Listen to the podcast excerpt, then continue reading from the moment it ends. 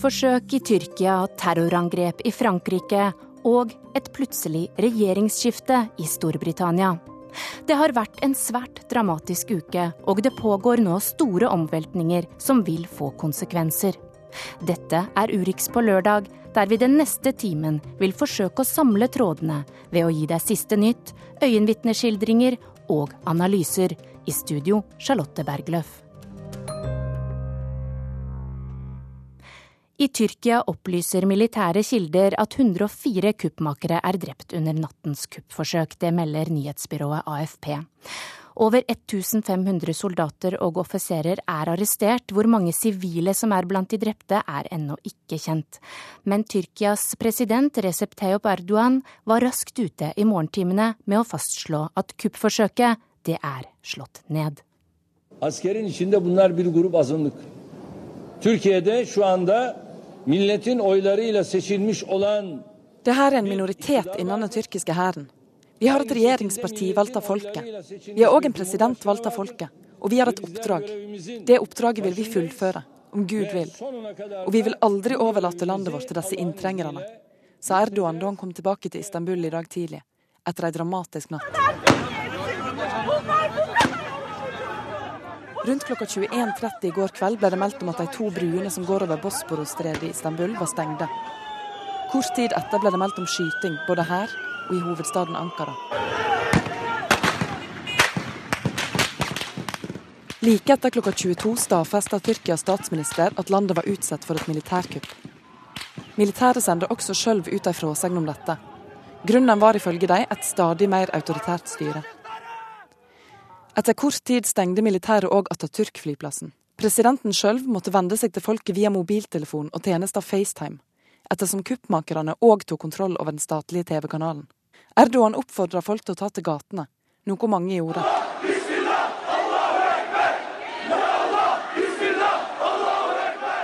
Utover natta kom det mange meldinger om hvor presidenten kunne være, og det ble spekulert i om at han prøvde å ta seg ut av landet. Men lørdag morgen kom han tilbake til Istanbul kunne fortelle at kuppet er avverga. Erdogan skylder erkerivalen Fetullah Gulen og hans rørsle for å stå bak kuppet. Gulen avviser dette fra sitt eksil i USA. Ja, og vi har nå med oss eh, Midtøsten-korrespondent Sigurd Falkenberg Mikkelsen i Kairo. Det har vært en svært dramatisk eh, natt. Hvordan vil du oppsummere det som har skjedd? Dette har vært eh, den mest dramatiske natten i Tyrkia på eh, svært lenge. Eh, og kanskje en av de mest dramatiske i Tyrkias moderne historie. Både fordi det var et kuppforsøk mot et demokratisk, en demokratisk valgt regjering. Det er i og for seg ikke nytt, men Tyrkia er et annet Tyrkia enn det var på 1980-tallet.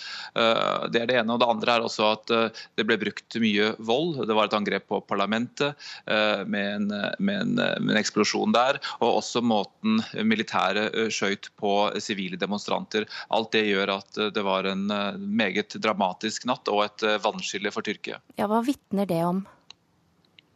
Det vitner om at kuppmakerne var bestemte på å gå langt, og at de var villige til å bruke mye vold. Men de var ikke godt nok organisert til å gjennomføre det de eh, eh, lot eh, privatmedia, de lot Erdogan kommunisere med sine støttespillere. og Det gjorde at AKP, som lenge har fryktet et kupp, kunne motmobilisere. og Det gjorde de med stor effektivitet. Og så er det også et bemerkelsesverdig at alle Tyrkias opposisjonspartier, som ikke har hatt det lett under Erdogan, de støttet ikke kuppet. Så det gjorde at de sto ganske alene da det virkelig begynte å røyne på eh, sånn i to-tre-tiden i går natt. Ja, og President Erdogan han hevder jo nå å ha nedkjempet dette kuppforsøket, men hvor sikre kan vi være på det?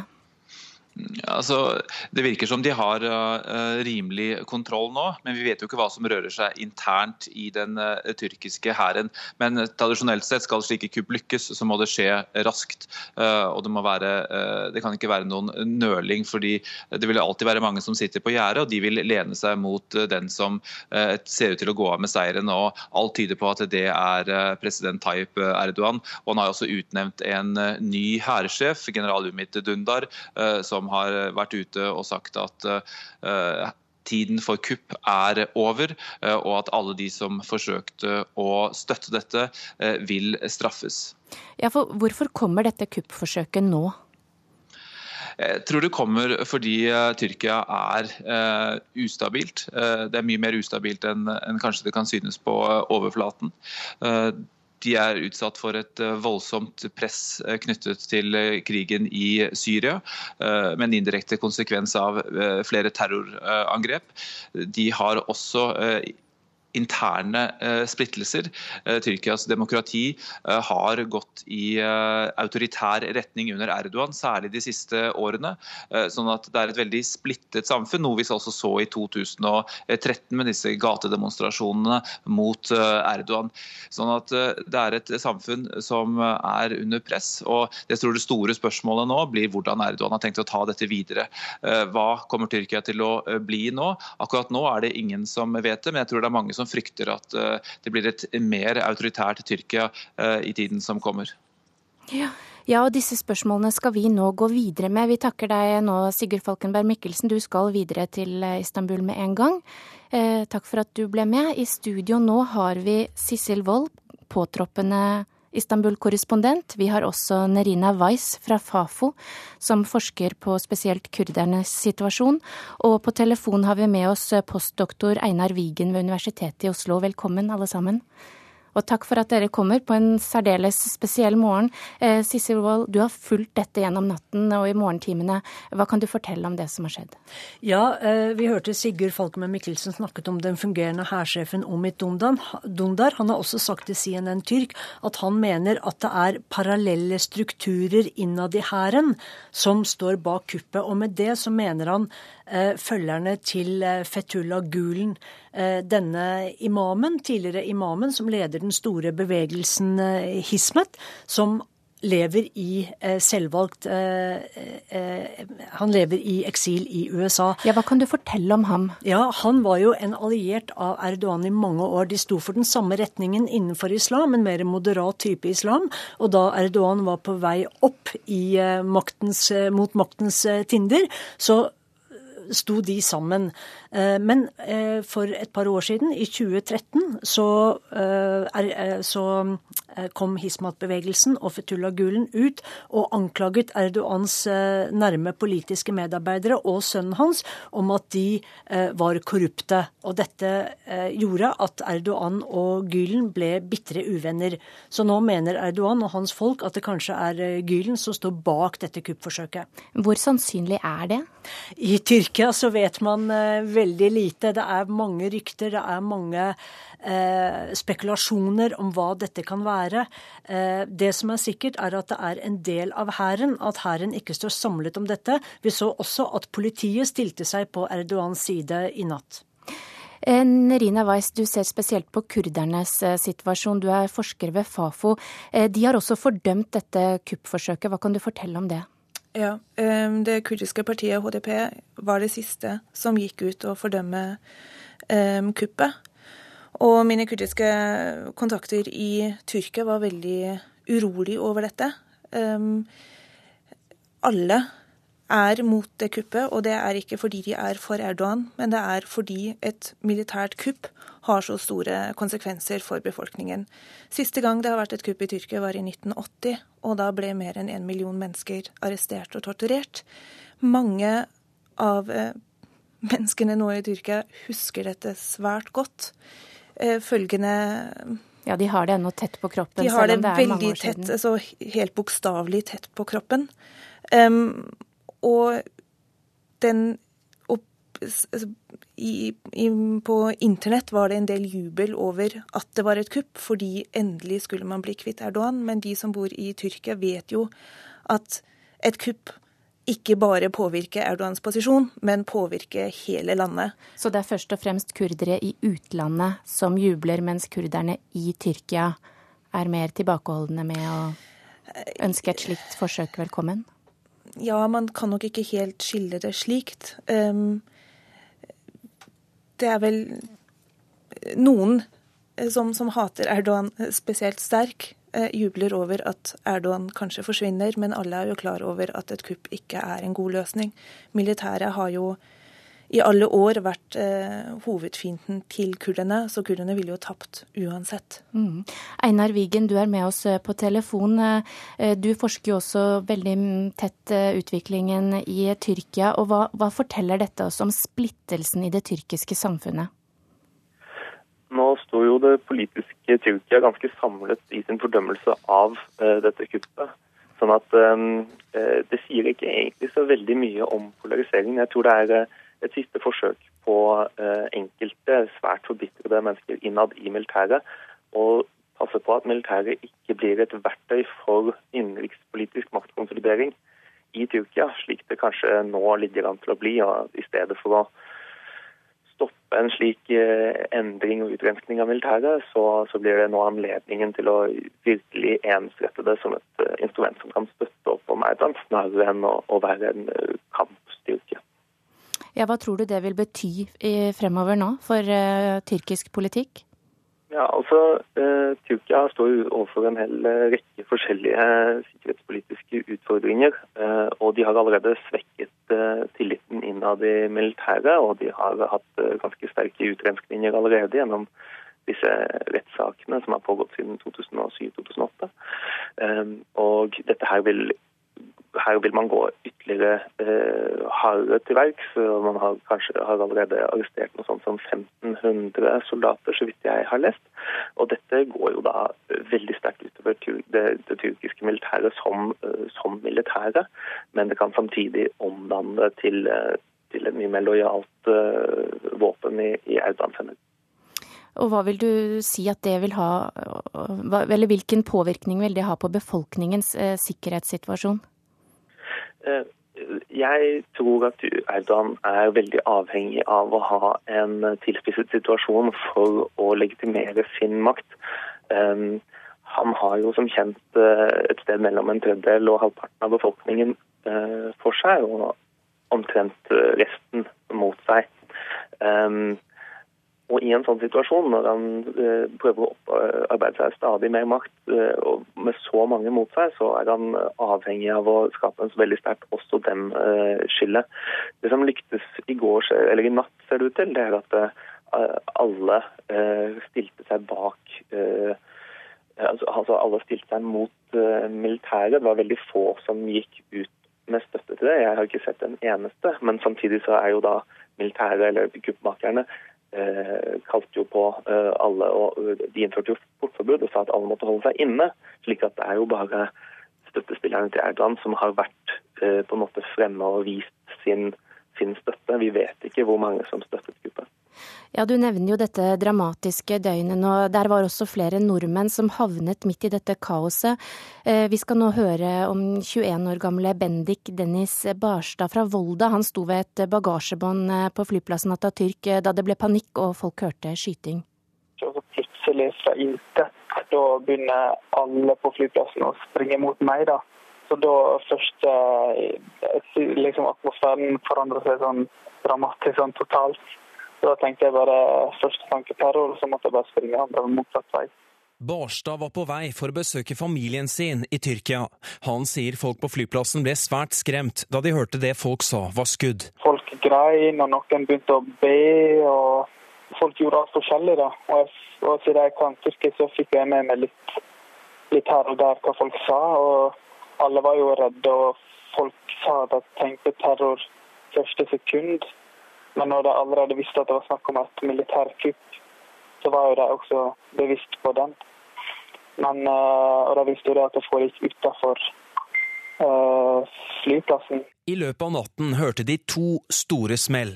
Og så kjente du at liksom bakken rista litt, og vinduene hørte du også. De satt veldig nært vinduet da første bombelyden smalt.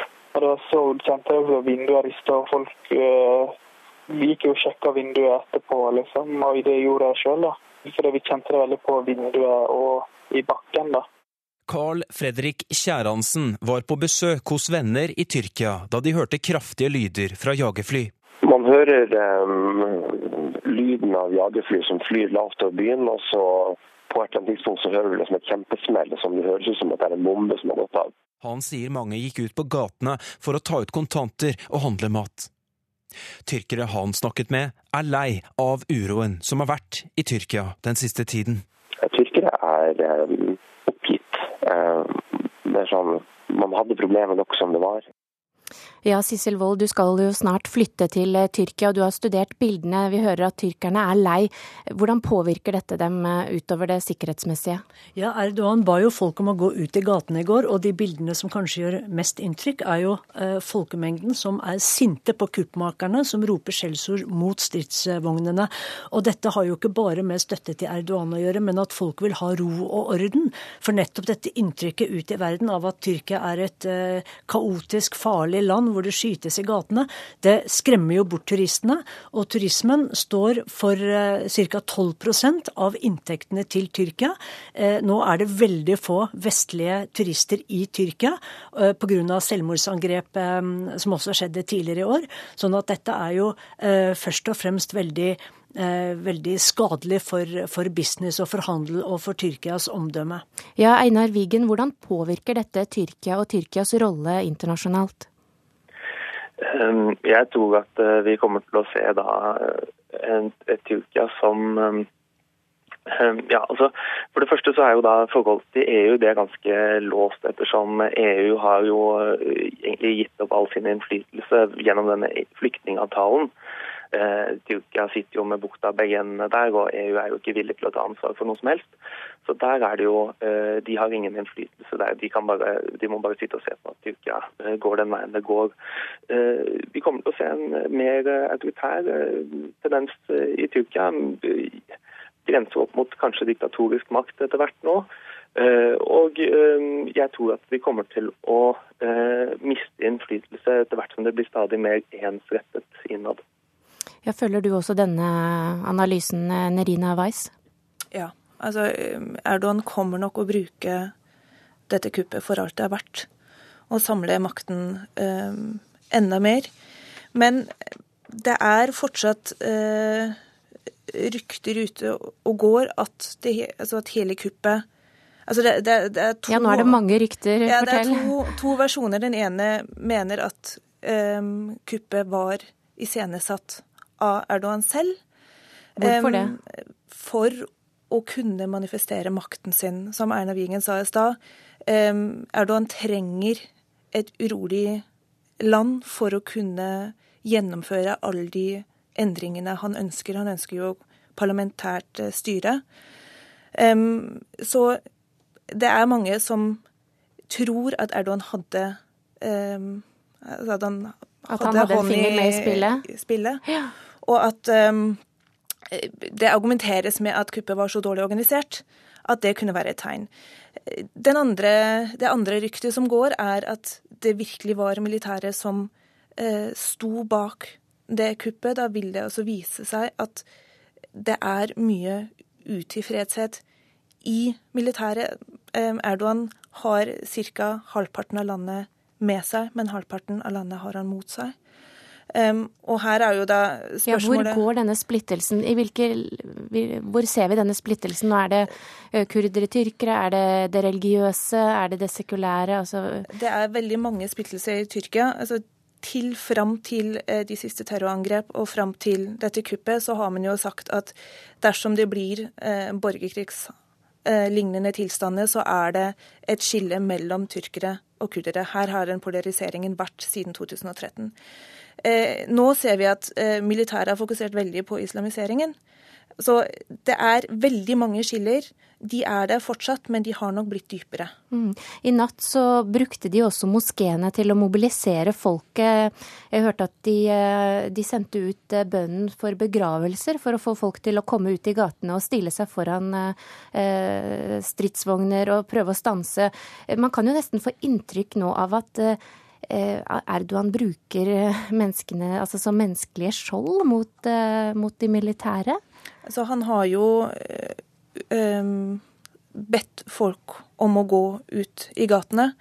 Men jeg tror ikke vi skal interpretere all den, det oppløpet på gatene som en støtte for Erdogan, men vi bør heller se det som, støtte, som en demonstrasjon mot kuppet.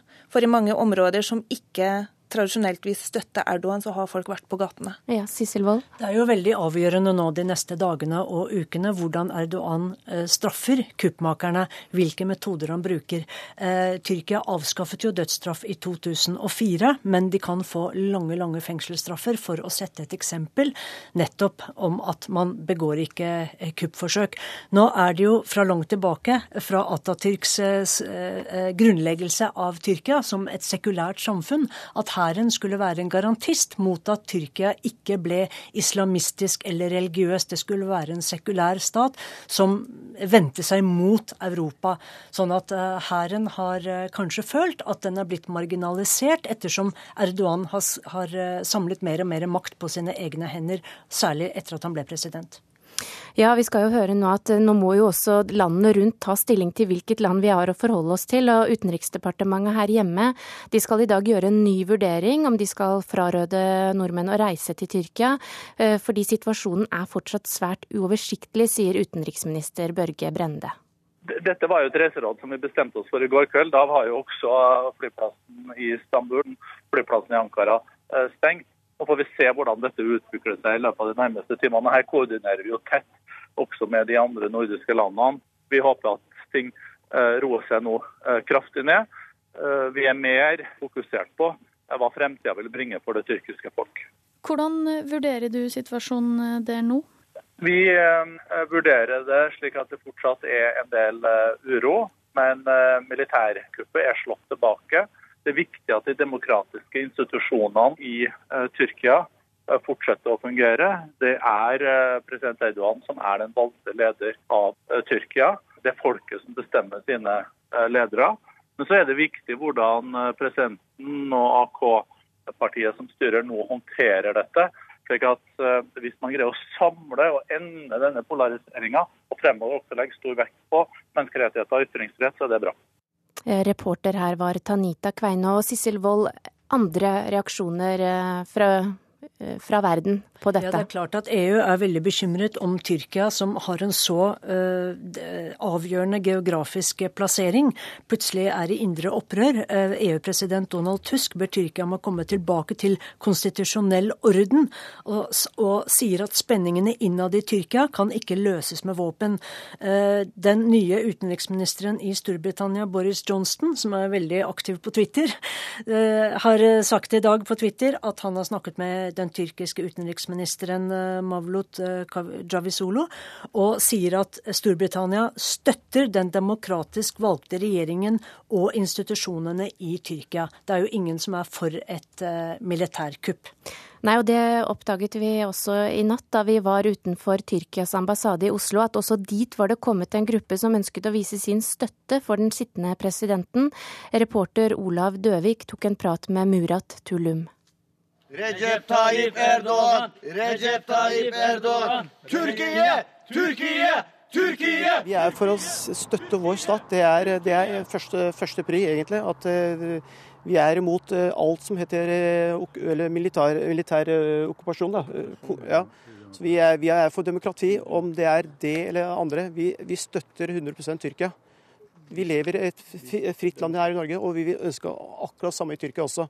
At folk kan leve fritt og eh, fredelig. Så det er, det er det vi tenker, i hvert fall. Hvordan opplevde du å se dette her? Ja, Det var, det var veldig sørgelig. Jeg, jeg, jeg, fikk nesten tårer, og jeg ble helt eh, jeg, sjokkert, rett og slett. Så jeg er glad for det som, er, det som skjer i etterkant. Da. At det er snart overholdt. at befolkningen vår har stått sammen. Vår president har sagt at det er, dette er snart over. Så jeg, det har egentlig alle partier stått sammen på dette her. Alle eh, stortingsrepresentantene har sagt at eh, vi er sammen på dette her. Så dette går bra, riktig vei. Jeg, føl, jeg føler det. Men hvor populær er Erdogan i Hvor mye støtte har han i Tyrkia? I Tyrkia så har han stor støtte. Veldig stor støtte. Selv om ikke, kanskje ikke Norge ser det, men så har han veldig stor støtte. Han har også stor støtte i Norge også. Så det har vi sett når eh, siste valg her, at det har fått mye stemmer her i Norge også. Så han, er, han har et eh, kraftig støtte i Tyrkia. Hva ville skjedd hvis han hadde blitt satt av av et militærkupp som det her, tror du? Ja, da, jeg jeg veit ikke hva jeg skal si, men jeg tror jeg hadde trykket gått 100 år tilbake. For at eh, vi liker ikke Så demokratien hadde gått eh, helt bort i Tyrkia, rett og slett. Selv om andre mener at jeg, skjønner, jeg har en forståelse for andre meninger, men eh, det hadde gått rett og slett gærent. For at han, det er ikke bare han, men det, det, Tyrkia er fin utvikling. Veldig bra utvikling. Og det er nok mange andre land imot, rett og slett. Det er noen som mener at han driver og prøver å få seg mer makt som president enn han burde? Ja, det er, det er kanskje dems mening, mens vår mening er ikke det. Vi, vi, vi, vil at det skal bli styrt av ett person, for da blir det mindre byråkrati. At én i hvert fall sier dette, og det blir mye bedre. Ja, han sier det sjøl også. Jeg blir ikke sittende for det alltid. Det vil komme en ny president og ta over for meg. Så eh, hvorfor er dere redd for det?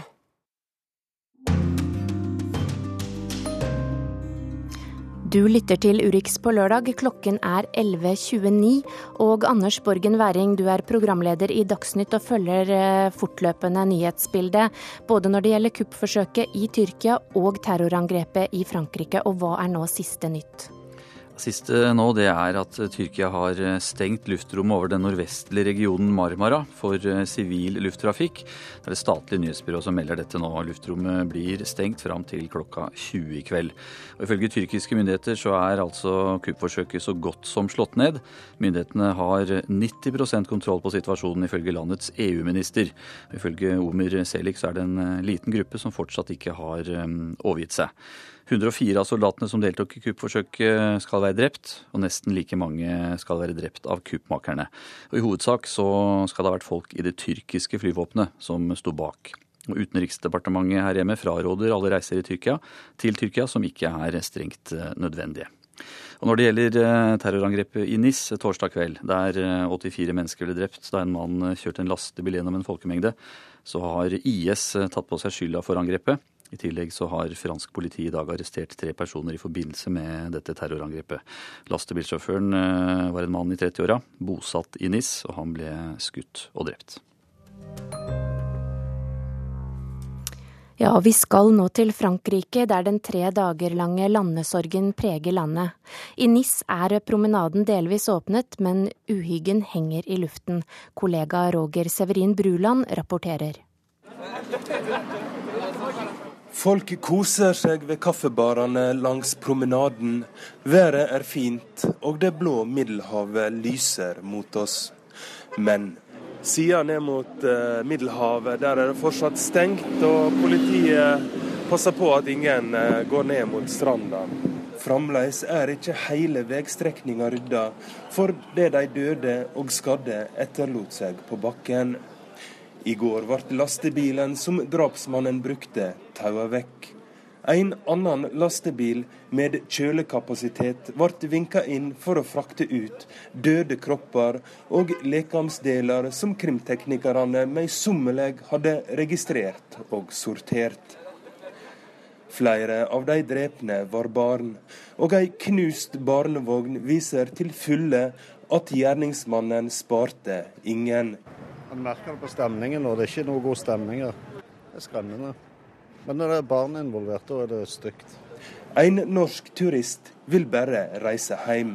For Det var ikke mulig å få fly tilbake, for vi har sjekket mulighetene, men det var liksom ikke mulighet. Så bare velger vi å fortsette. Det er jo ganske trygt nå med mye beskyttelse.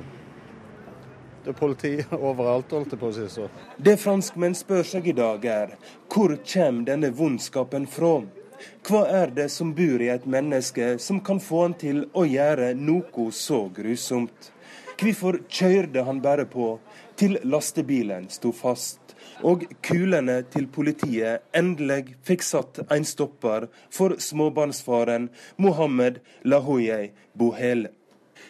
NRK besøkte bygården der han bodde. Den var evakuert. Rett innenfor inngangsdøra satt en agent fra det franske innenriksdepartementet. Politiet har i går og i dag raida flere leiligheter. Fire personer, inkludert gjerningsmannens fraseparerte kone, har blitt tatt inn til avhør. Politiet arbeider på spreng for å kartlegge nettverket til gjerningsmannen. De trenger å vite alt om han. Hadde han medløpere, eller handla han alene? Det betyr alt for tryggleiken til de i NIS og i resten av Frankrike akkurat nå. For tryggingstjenestene har ikke råd til flere nederlag nå. Og med oss fra NIS nå har vi reporter Philip Lote. Hvordan er stemningen?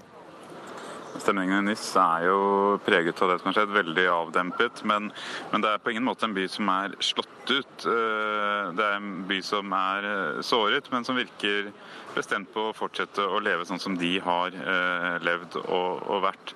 Men, men, helt klart, folk følger tett med på hva som skjer, og, og spørsmålene er mange. Og, og, de siste arrestasjonene som nå er gjort i dag, og den ene i, i, i, går, vil nok gjøre at folk venter med spenning på hva, hva politi og myndigheter sier om hva som kan ha ligget bak, hva mer som kan, kan ha ligget bak dette angrepet.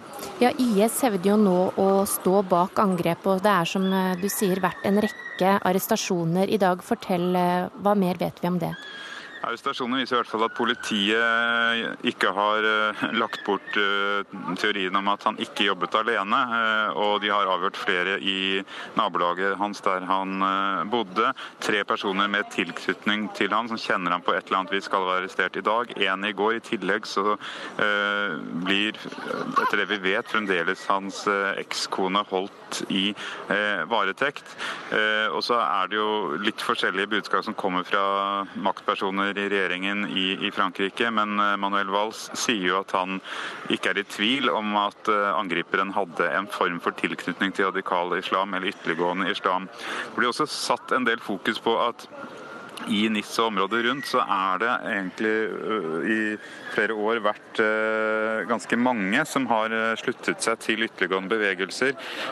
Og det er 55 personer fra dette fylket her nede som man tror har dratt som fremmedkrigere til Syria.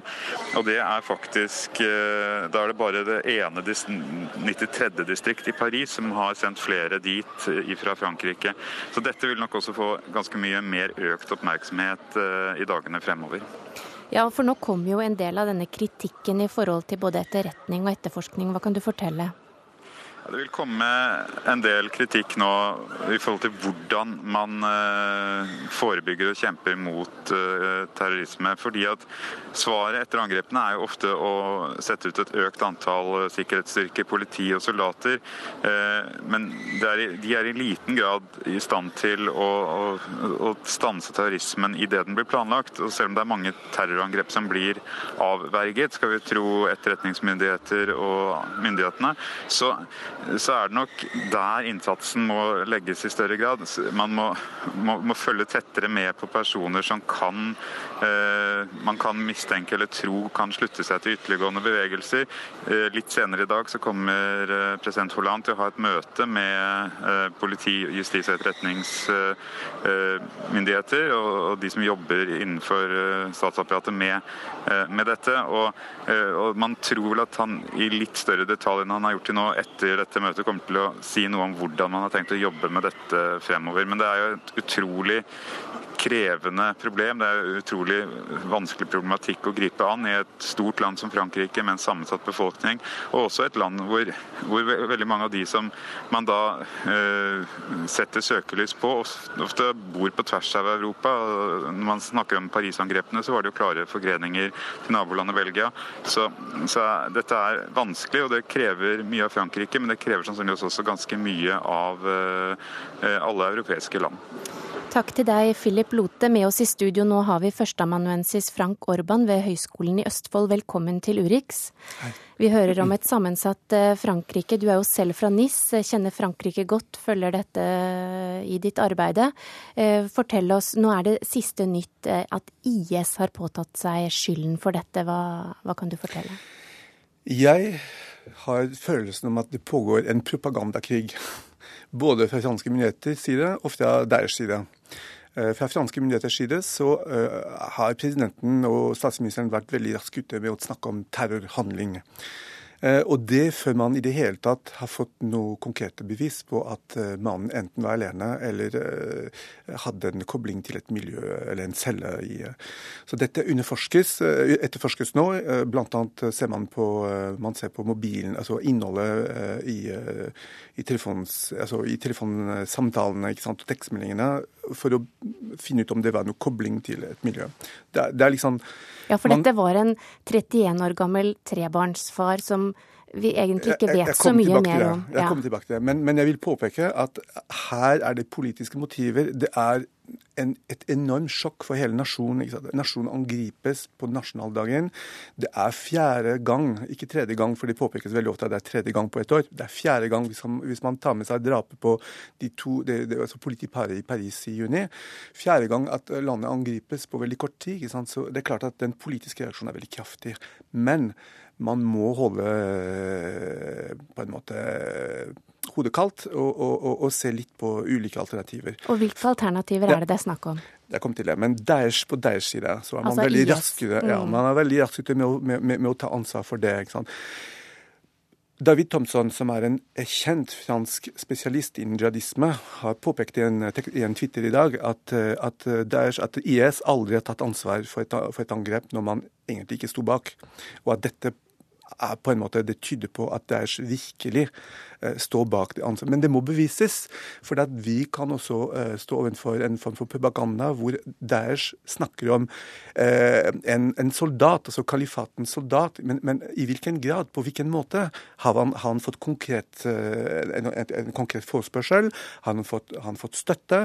Hadde han medhjelpere i, i, i NIS som kunne hjelpe ham? Det at han hadde med seg falske våpen og falske granater, tyder på at dette var, det var en høy grad av uforberedelser. ikke sant? Så, det, så, så propagandakrig fra begge sider. Og så sitter man igjen i dag, og det er, det er, verst for befolkningen. Det er verst for de som er utsatt. Ja, Hvordan opplever de dette i dag? Den usikkerheten. Liksom, er det et terrorangrep, eller kan det være snakk om noe annet? ikke sant? Jeg tror vi står overfor tre scenarioer nå, så langt. Eh, og hva er de tre? For det første en, eh, en, en, en jeg skulle si en eh, terroraksjoner altså på bestilling av Daesh, eller med hjelp av uh, IS, direkte eller indirekte. Punkt to en uh, ensomme ulv som har tatt på seg et, uh, et oppdrag om å, om å, gjøre noe i, i, sakens navn. På eget initiativ. Nettopp. Punkt tre. Uh, jeg begynte å få assosiasjoner. Jeg hørte på beskrivelser av han og, og, hva kona fortalte, hva faren eh, til vedkommende fortalte. Så begynte jeg å få, en, få, å få assosiasjon med German Wings-saken, eh, hvor man vil ta sitt liv. Denne mannen som kjørte, styrtet flyet inn i berget. Nettopp. Hvor mm. du skal prøve å ta med deg, ta med deg flest mulig liv. Ikke sant? Uh, det, det, det, det, det er en av de tre scenarioer som er, eh, som er eh, Når tror du vi får vite hvilket som er uh... Jeg tror når etterforskningen kan bevise om det er noe sensibel informasjon på den, den, mobiltelefonen, når man har kartlagt nettverket rundt han, når man vet om han har hatt kontakt med noen eller ikke, så, så, så, så kan man være litt litt mer sikker på hvilken, hvilken scenario, hvilket scenario det er snakk om. Det var jo en, en, en, veldig dramatisk hendelse, dette. Og mange spør seg jo også eh, etterretningen i Frankrike. Eh, hvor god er den? Den 5. 5. juli så leverte en, en kommisjon, en granskingskommisjon som var utnevnt av nasjonalforsamlingen, leverte en rapport eh, om eh, terrorhendelser 13.11. i fjor. Som påpekte bl.a. At, at det var store hull i etterretningsvirksomheten i Frankrike. Og, og, kom med forslag om å bl.a. Eh, sveise sammen, eller i hvert fall eh, ha et bedre samarbeid mellom, mellom, etterretningen ute og etterretningen inne.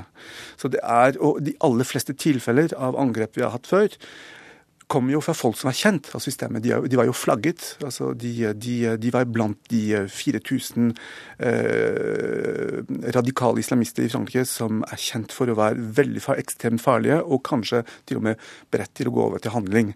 Så først og fremst før man i det hele tatt begynner å snakke om hevnaksjon i, i, i Midtøsten, få en bedre kartlegging av situasjonen på hjemmebane og få bedre kontroll over de som, eh, de som, kan utgjøre en konkret og umiddelbar trussel.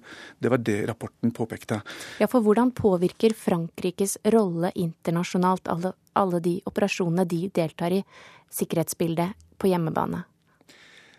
Det er et sammensatt bilde. Det at du eh, er aktiv i Afrika, det at du er aktiv i Midtøsten, i Libya, i Syria, at du tar en lederrolle i kampen mot IS, det gjør at du identifiserer som en konkret trussel mot, eh, mot kalifatet for de som er tilhengere av eh, dette prosjektet. Og I så fall så blir Frankrike utpekt som hovedfienden eh, den vestlige, i den vestlige koalisjonen. Det, det, er på en måte den utenrikspolitiske siden. Så har du den innenrikspolitiske siden, som består av to grener. Den ene er jo den franske modellen, altså samfunnsmodellen med en, en sekular stat, hvor, eh, hvor, hvor religion skal ha en plass, men hvor religion ikke skal dominere samfunnet. Og Hva gjør nå terroren med det franske samfunnet? Nei, det er jo det. Jeg skulle snakke om den andre biten innenrikspolitisk, som er de sosiale og økonomiske problemer. Hvis dette fortsetter, hvis det blir flere terrorhandlinger, så er risikoen for splittelser i samfunnet større. Du ser allerede at Nasjonal Front, altså dette ytter, høyre ytterliggående parti, er i medvind. Og, og, jeg tror at hver gang det skjer noe sånt, hver gang du kan stigmatisere muslimer i Frankrike, så vil høyre, altså det ytre høyre få mer medvind. Så glemmer man at hvis du ser på videofilmene fra attentatet, så det var ganske mange muslimske familier som gikk tur på kvelden, hadde med seg barnevogn og alt, og de er jo, de er jo ofre, de òg. Men dette blir parkert, og så fokuserer man på den konkrete trusselen som muslimer utgjør i Frankrike. Så dette det, kan misbrukes politisk? Det kan misbrukes politisk politisk. Eh, husk på at Frankrike har en veldig sjelden kombinasjon. Europas største jødisk befolkning, Europas største muslimsk befolkning. Så dette er, og Hvis du tar med deg den utenrikspolitiske delen som vi snakket om, og de innenriks økonomiske og sosiale problemene som, som alle vet om, når det gjelder blant integreringspolitikken, så har du en veldig eksplosiv blanding. Eh, jeg er bl.a. ganske bekymret for hvilken reaksjon som kan komme fra ytterliggående gruppe på ytre høyresida som har varslet om at hvis, skjer, hvis, dette skjer flere ganger, hvis det kommer flere angrep fra, eh, fra eh, radikale islamske miljøer, så vil de slå til. Frank Orban, tusen takk for at du kom til Urix.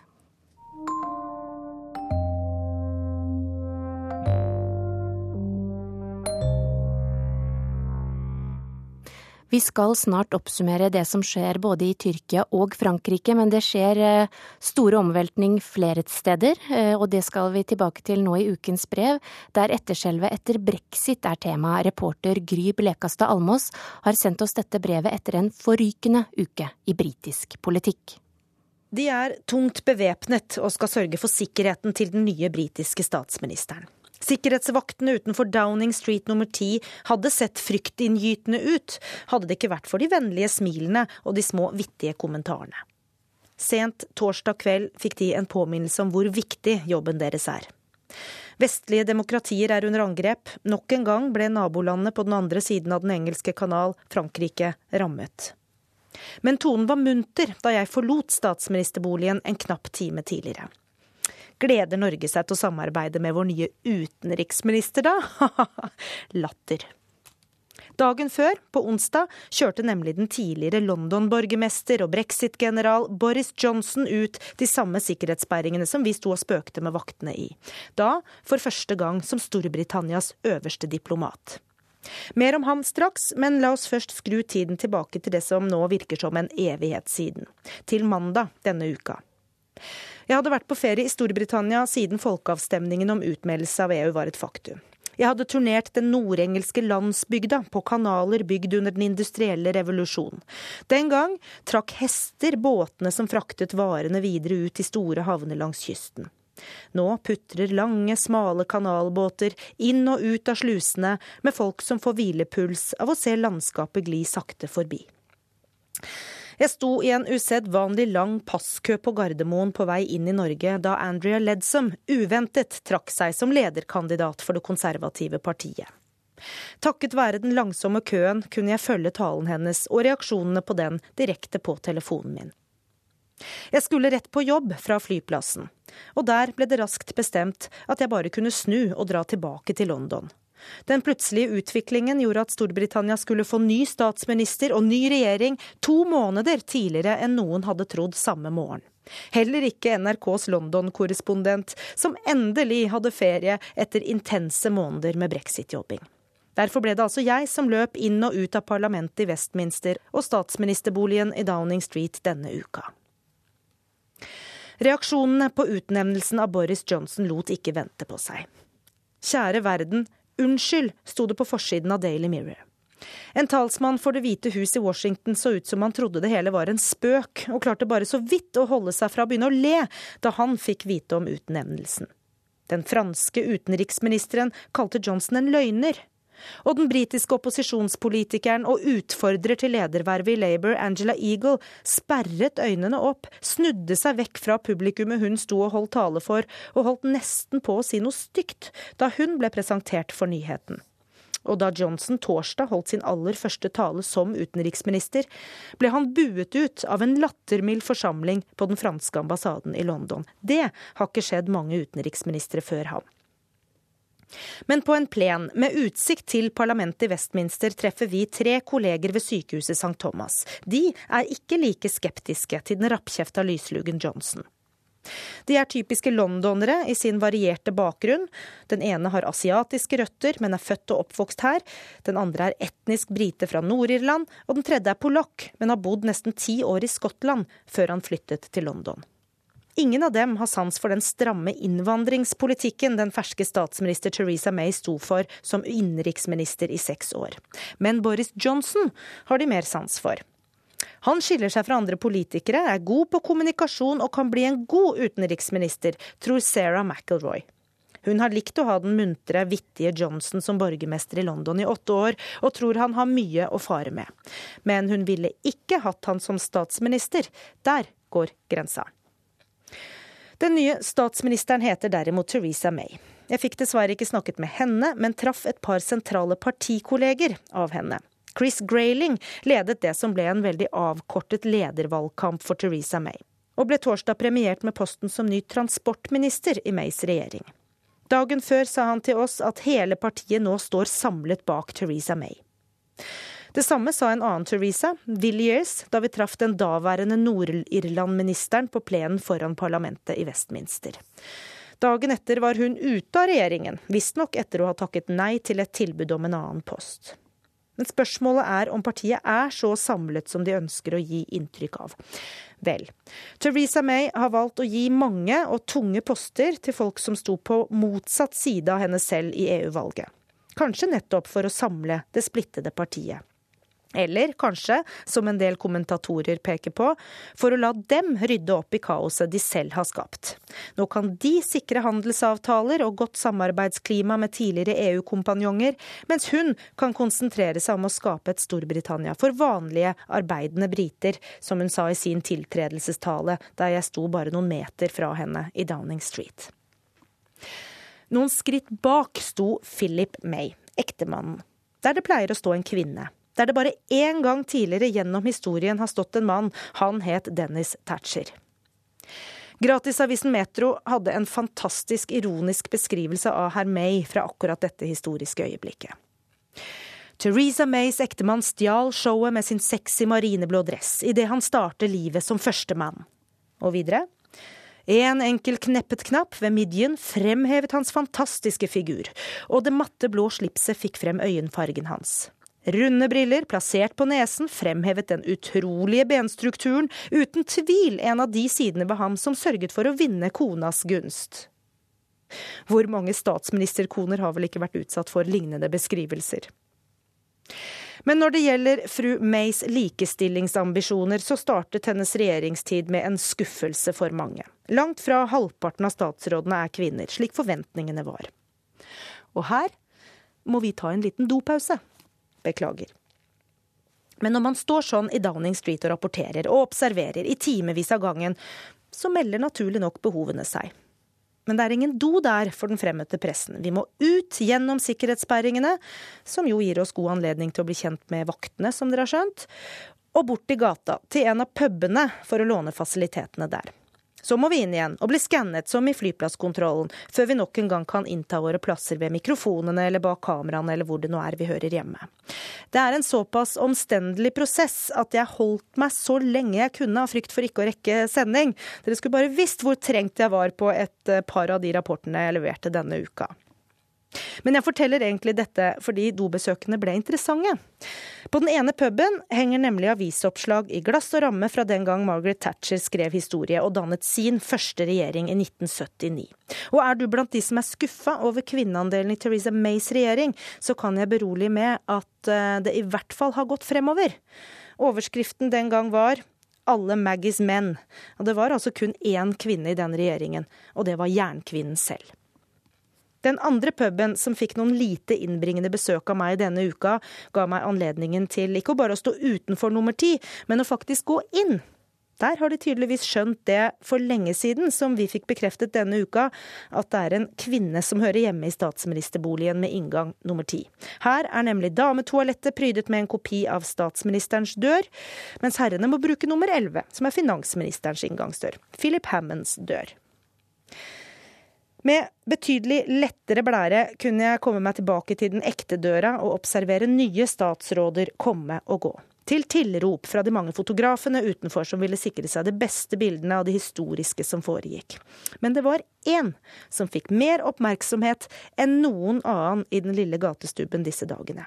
En som verken flyttet ut eller inn, men som ble igjen det skapte nemlig store overskrifter da det ble kjent at huskatten Larry fikk fornyet tillit som statsministerens personlige rottefanger.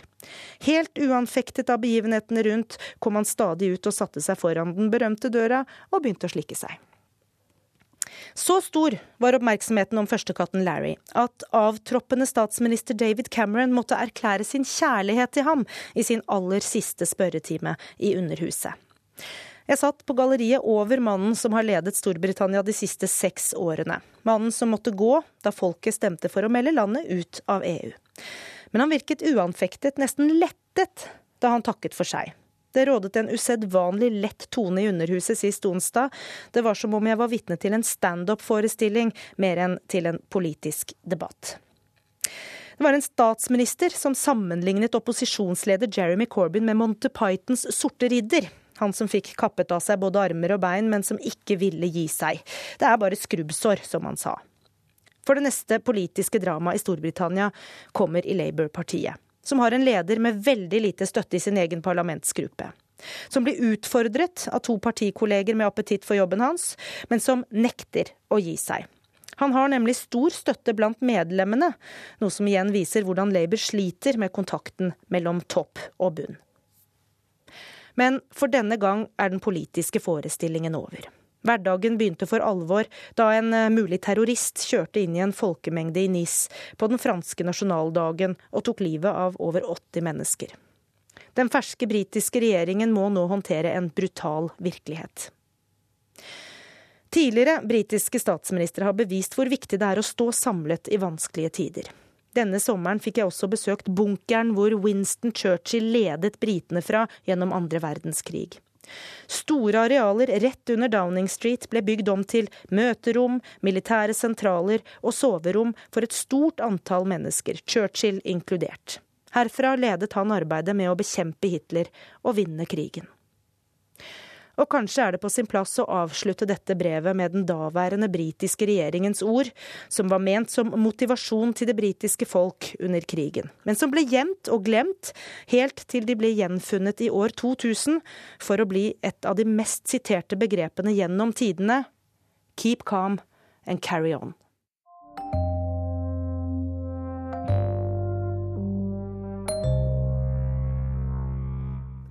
Ja, og det kan også se ut til å være stikkord for Tyrkia nå. Sissel Wold, statsministeren har akkurat møtt pressen i Ankara. Hva sa han? Ja, Statsminister Yildirim han sier nå at situasjonen er helt under kontroll, ikke bare 90 under kontroll, som vi hørte tidligere i sendingen. 161 er drept i kuppforsøket. 2839 soldater er arrestert, altså nesten 3000. Yildirim sa også at dette var en svart flekk på Tyrkias demokrati, men at folket sto ved oss, og at ingen kan leke seg med demokratiet vårt. Han sa igjen at det var denne parallelle staten og da tenker han på Gylens tilhengere, som eh, regjeringen mener står bak kuppforsøket. De vil bli tatt hånd om, men det er ikke aktuelt med dødsstraff. Tyrkia avskaffet dødsstraffen i 2004. Ellers var det en av journalistene som spurte statsminister Yildirim hadde du ingen etterretningsinformasjon om at dette var på gang. Og så svarer Yildirim at vi jobber med den saken. Han spurte også om eh, kuppmakerne hadde planlagt dette med støtte fra utenlandske interesser, utenlandske stater. Um, Ellers sa han at eh, parlamentet vil kalle inn til et hastemøte. Og da er jo spørsmålet hvor dette skal være, for vi har sett bilder av et veldig ødelagt parlament. Eh, vinduer som er knust, fasade som er ødelagt, masse møbler som er eh, totalt ødelagt. Sånn at de må finne et annet sted å holde dette møtet. Ja, og med det var vår tid ute. Ansvarlige for Urix i dag var tekniker Eli Kyrkjebø, produsent Elise Heisel Asbjørnsen og her i studio Charlotte Bergløff. Vi holder deg oppdatert på nrk.no, her i radioen, og straks får du også en ekstra nyhetssending på NRK1. Vi ønsker alle en fredelig helg.